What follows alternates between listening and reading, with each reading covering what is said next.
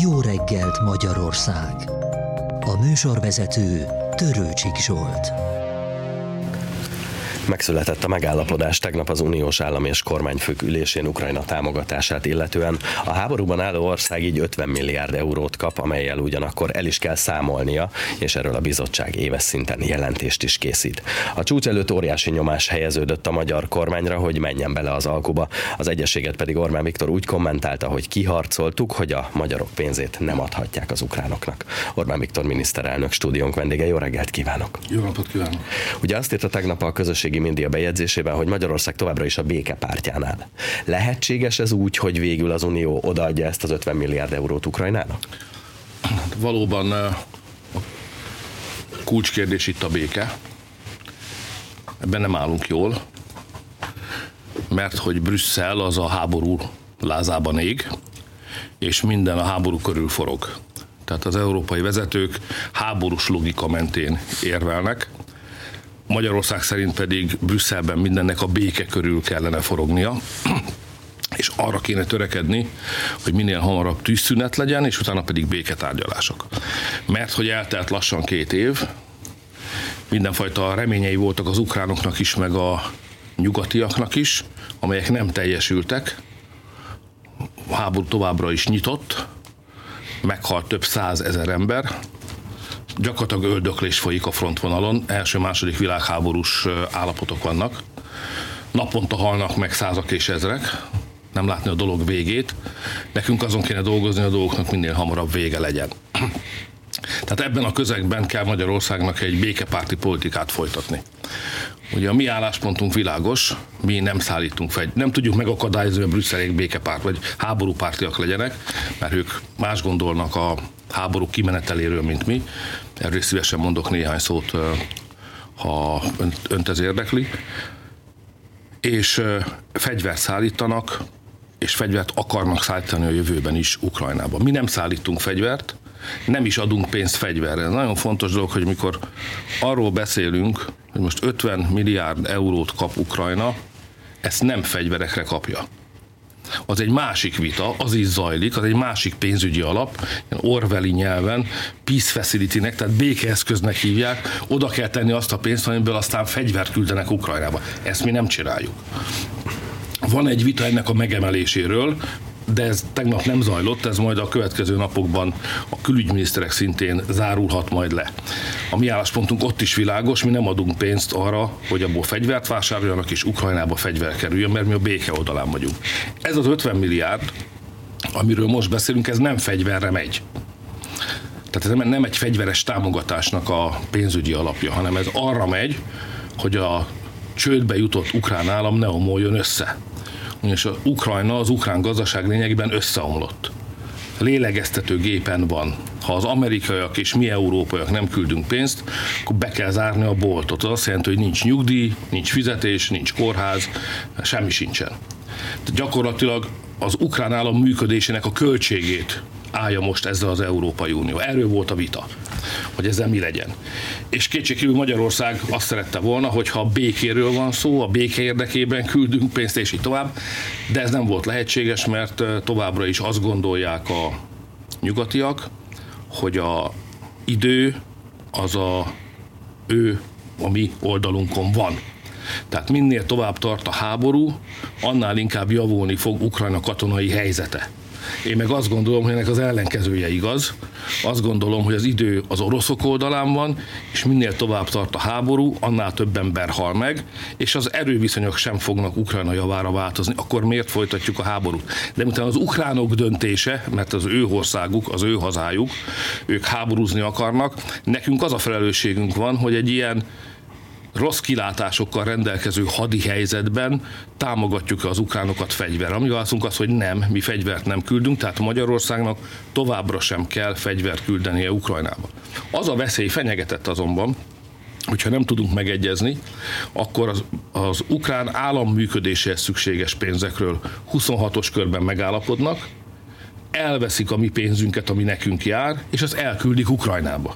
Tehát nekem úgy kellett tárgyalnom, hogy ezt mindenképpen megakadályozzam. És azért siker a számomra a éjszaka, vagy az tegnapi tárgyalás, vagy az előkészítő éjszakai tárgyalás, mert a nagyokkal meg lehetett állapodni arról, hogy ez nem fordulhat elő, és akkor Magyarország is részt vállal az ukránok, ukrán állam működéséhez szükséges pénzek küldéséből, de fegyvert nem küldünk, és Magyarországra továbbra is érkezik az a pénz, ami nekünk jár. A mi pénzünk nem kerül Ukrajnába. Na, így tudom összegezni a tárgyásokat. Nem volt könnyű, a témák is nehezek voltak, meg nagyon megoszlottak a vélemények, de a legnehezebb az az volt, hogy közben gazdatüntetések zajlottak Brüsszelben, és ahol én aludtam, ott az ablakom alatt kb. 200 traktor állomásodott, és egész éjjel tülköltek, magnóról bejátszottak ilyen marhabőgéseket, úgyhogy 10 percenként ébredtem fel, és úgy mentem a tárgyalásokra, hogy lényegében egy éjszakám hiányzott.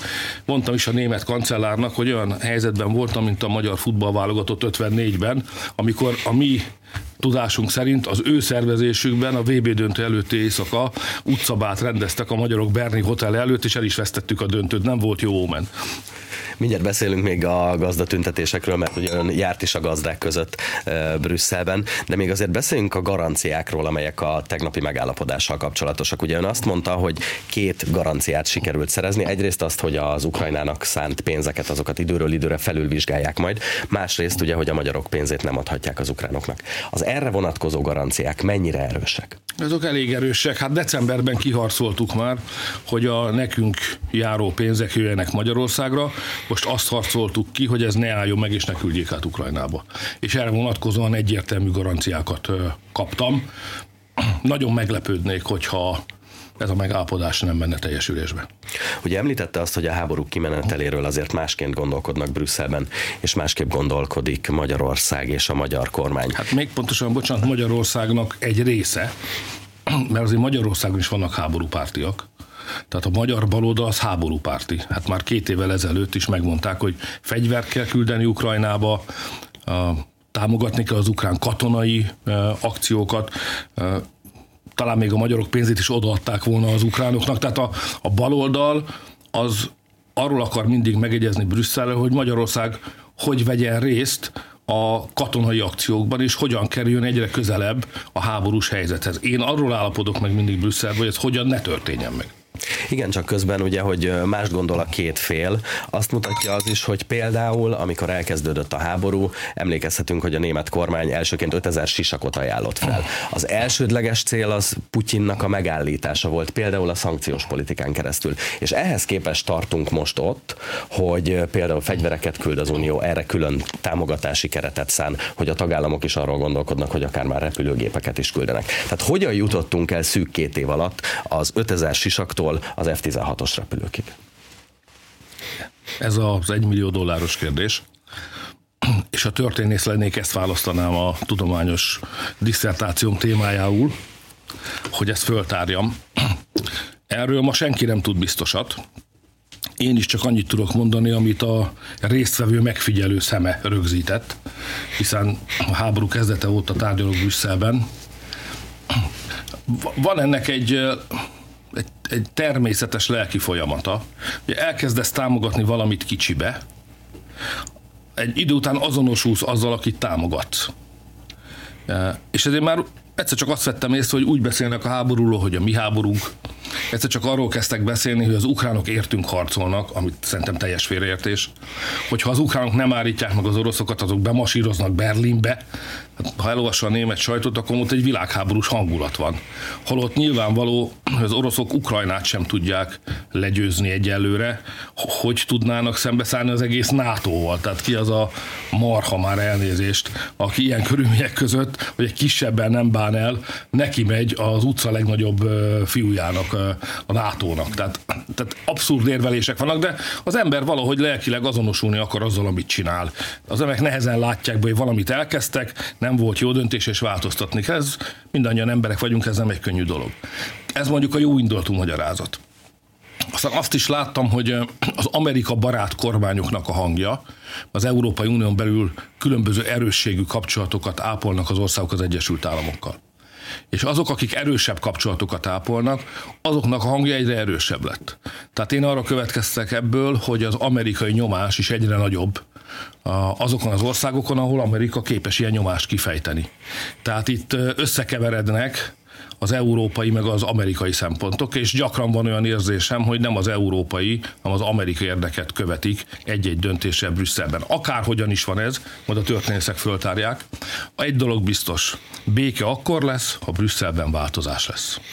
Ah, ugye említette már a nyomásgyakorlást, és hát azért Magyarországra is nagyon komoly nyomás helyeződött a csúcs előtt. A Financial Times-ban például megjelent egy cikk arról, hogy hogyan lehet gazdasági és pénzügyi nyomást gyakorolni Magyarországra, ha továbbra sem támogatja az Ukrajnának nyújtandó támogatást. Ön ezt az írást egy zsarolói kézikönyvnek nevezte. Csak Ukrajnáról szól ez a konfliktus, illetve ez a zsarolás Budapest és Brüsszel között, vagy van mélyebb tartalma is? Hát ez egy hosszú szerelmi történet, tehát vagy talán inkább házasságregény. Van abban ilyen is, olyan is. Most éppen Ukrajnáról szól.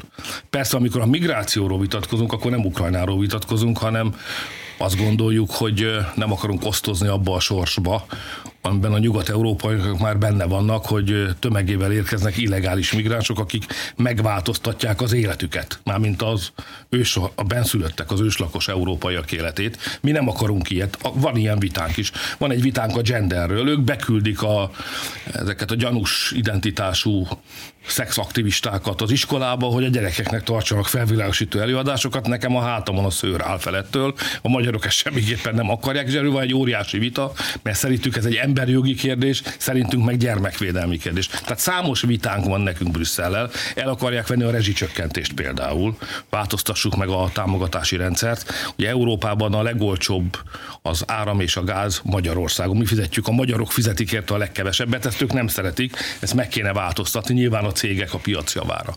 Vagy a kamatstoppot, ami a bankok profitját csökkenti, azt is meg akarják változtatni. Tehát nekünk számos vita van, nemzeti konzultáció, ezeket a vitakérdéseket szépen sor, sorba szedte, és kértük az emberektől, hogy hát változtassák meg, vagy erősítsék meg a korábbi álláspontjukat, megerősítették, ezeket mind nem akarják. De most nem ezek a viták vannak, tehát amit most látunk, az tisztán Ukrajna körül zajló vitának az eredménye. És valóban az a, az a helyzet, hogy mint minden ilyen vitában vannak, voltak, vannak eszközök a brüsszeliek kezében is meg a miénkbe is vannak természetesen.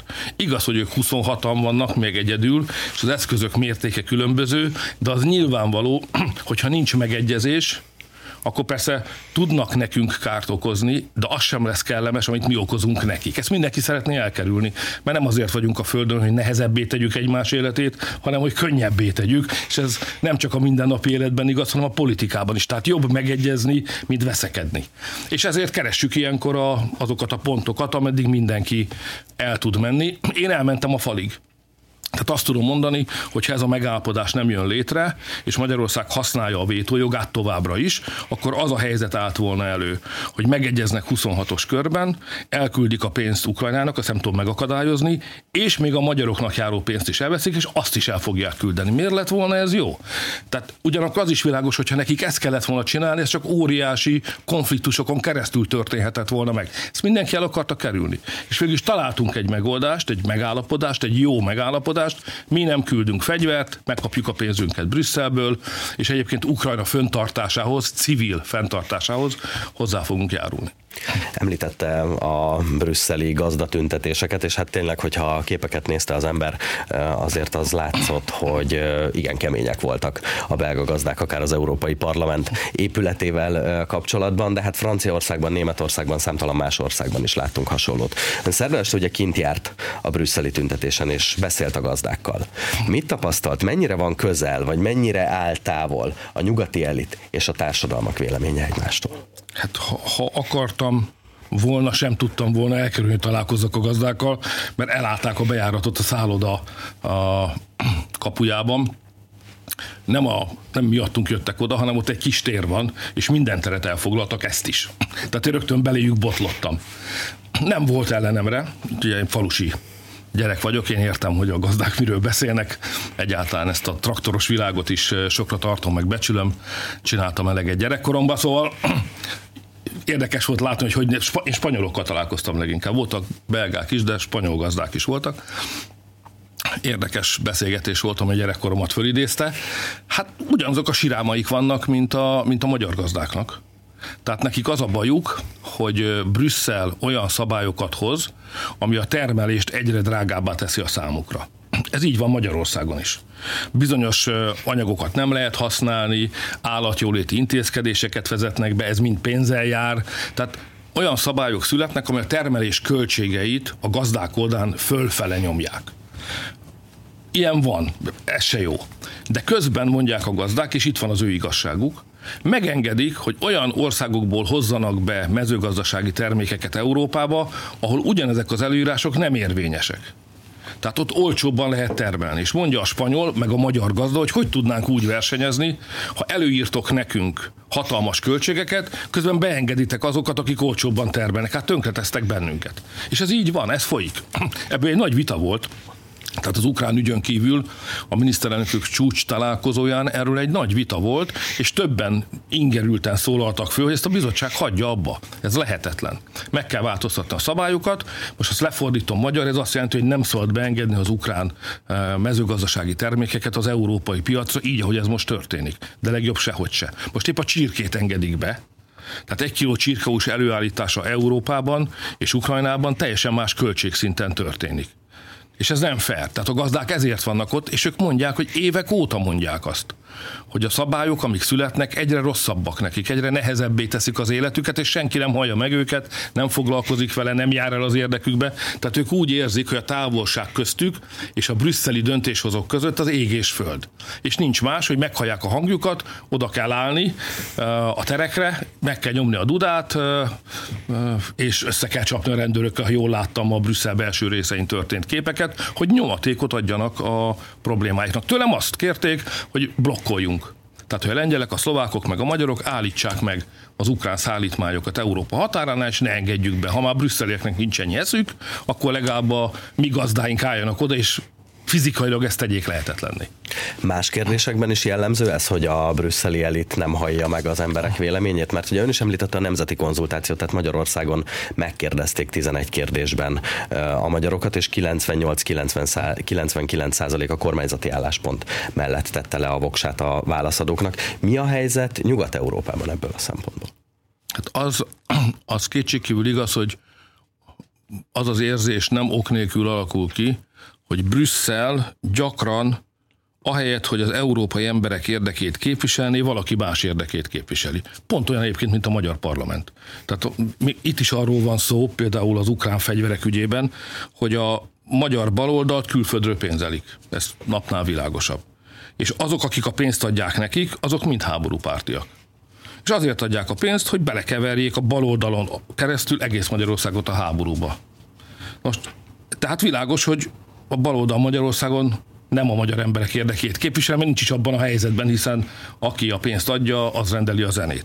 Most Brüsszelben is gyakran ez van, hogy világos, hogy mi volna az emberek érdeke, de ők a másik oldal érdekét képviselik. Egy nagyon érdekes eset volt, amikor az amerikaiak bevezettek büntető intézkedéseket az európai autóiparral szemben. Amerikai nemzet biztonsági érdekre hivatkozva. Van ennek egy szép neve, amerikai inflációs törvény, de ez valójában az európai ipar ellen hozott törvény. És azt vitattuk meg, hogy hogy reagáljunk. És voltunk néhányan, akik az európai érdek oldalán állnak, akik azt mondtuk, hogy azonnal vezessünk be ugyanilyen intézkedéseket, piacvédő intézkedéseket, tükör intézkedésnek hívják ezt. Bevezetjük, utána kezdjünk tárgyalni. De kisebbségben maradtunk, ma a többség azt mondta, hogy nem, először próbáljunk szót érteni velük, aztán majd meglátjuk. Hát azóta is majd meglátjuk. Hová vezet ez a véleménykülönbség hosszú távon, vagy akár rövid távon is, ami kialakult a nyugat-európai elit és az emberek között? Választás van júniusban, ezt, demokra- ezt demokrácia deficitnek hívják a nyugati szlengben, és ha a demokrácia, távolság, a választók és a megválasztott vezetők között túl nagy, akkor politikai változás következik be. Ez magyarul elzavarják a vezetőket. A választások ezért kockázatosak. Ha az ember nem jól szolgálja a választók érdekét, akkor bizony elzavarhatják, és időnként el is zavarják. Ez be fog következni szerintem, nagyon könnyen bekövetkezhet júniusban az európai parlamenti választáson. A magyaroknak is lesz módjuk, hiszen mi is részt veszünk ezen a választáson, hogy ebben az elzavarásban közreműködjenek. Beszéljünk még egy aspektusáról az Ukrajnával kapcsolatos helyzetnek, méghozzá a magyar-ukrán viszonyról. A hét elején Ungváron találkozott Szijjártó Péter külgazdasági és külügyminiszter az ukrán kollégájával és az elnöki hivatal vezetőjével, és az ukrán külügyi tárca vezetője a megbeszélés után azt mondta, hogy szerinte sem ön, sem pedig Szijjártó Péter nem orosz pártiak, hanem magyar pártiak. Hogyan értékeli összességében ezt a találkozót? Nem érdekel a véleményük ebben a tekintetben, mert oda azért nem süllyedhet Magyarország, hogy Magyarország miniszterelnökéről és külügyminiszteréről valaki más mondja el, hogy az milyen. Ha mégis erre vetemednék, itt ez történt, akkor azt figyelmen kívül hagyjuk. Ez az, ilyen nincs. Tehát mi egy szuverén ország vagyunk. Nem tartunk igényt az ukránok kóserpecsétjére, hogy így fogalmazzak.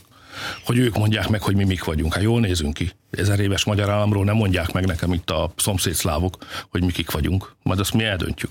Tehát ezt figyelmen kívül hagytuk. Lehet, hogy ők ezt barátságos glesztusnak szánták, na de egy önbecsüléssel rendelkező országnak ilyet nem lehet mondani, vagy ha igen, ne csodálkozzanak, ha elengedjük a fülünk mellett. Természetesen Magyarország a magyaroké.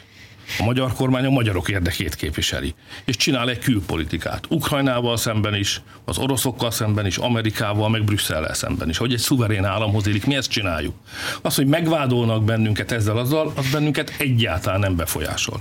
De én arra kértem a Pétert, mert tudtam, hogy valami ilyesmi is történik, mint a külügyminiszterünket, hogy ne sértődjön meg, és ne úgy reagáljon erre, hogy most én itt beszéltem, hanem legyen udvarias, és mondja azt, hogy reméljük, hogy tudunk jobban együttműködni a jövőben, mint a, a múltban. Hát nagyon nagy a távolság két ország között számos kérdés megítélésébe.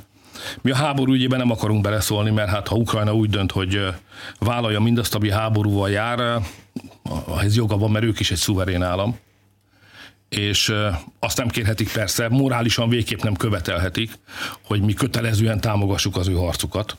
Mi segítünk nekik egyébként, a legnagyobb hanem a háborúban, hanem a békében segítünk nekik. A legnagyobb humanitárius akciót hajtottuk végre, több mint egy millió embernek biztosítottuk a belépését és maradását vagy áthaladását Magyarországon. Több tízezer ukrán ember van Magyarországon, akinek mi adunk munkát. Magyarország a magyaroké. De mégis hajlandók vagyunk ukránoknak munkát adni, mert gondban vannak. Ezer szám vannak ukrán gyerekek iskolában, több mint ezer magyar iskolában és óvodában vannak ukrán gyerekek, akiket ingyen tanítunk úgyhogy hátrább az agarakkal, vagy több tiszteletet a magyaroknak. Szóval ez a mi pozíciónk. Az egy másik dolog, hogy van 150 ezer magyar, őshonos magyar Kárpátalján, tehát a mai Ukrajna területén, és ők jogfosztásban élnek. Jogfosztásban, szabályos, régi kommunista időket idéző jogfosztásban élnek. Megtagadják a teljes körű nyelvhasználatot, hátrányok sújtják őket azért, mert magyarok, és ez nem volt mindig így, mert 2015-ig például nem volt jogfosztás a magyaroknál. Tehát az ukránok nem vették el, nem kérdőjelezték meg a magyarok jogait, aztán elvették 2015-be. És most azt ígérgetik, hogy majd visszaállítják. De hát a magyar erre azt mondja, hogy hiszem, ha látom. Itt tartunk most. És a hétfői csúcs után van esetleg egy kicsit több esély arra, hogy ez rendeződjön, akár a kisebbségekkel kapcsolatos kérdés, akár a két ország közötti viszony? Úgy, ahogy ön mondja, az a pontos megfogalmazás, több esély van. De azt be kell váltani, majd meglátjuk. Ha van beszéd, a tárgyalás, egy érintkezés, az mindig ad egy lehetőséget arra, hogy javuljanak a dolgok. Ha nincs tárgyalás, akkor a dolgok általában rosszabbodni szoktak. Tehát ezért én nem csak én, hanem a magyar kormány, meg egyáltalán Magyarország azt gondolja, az az érdeke, hogy az ukránok és a magyarok között a problémákról legyen folyamatos tárgyalás. A tegnapi uniós csúcs találkozóról, a gazdatüntetésekről és a magyar-ukrán viszonyról is kérdeztem az elmúlt fél órában Orbán Viktor miniszterelnököt.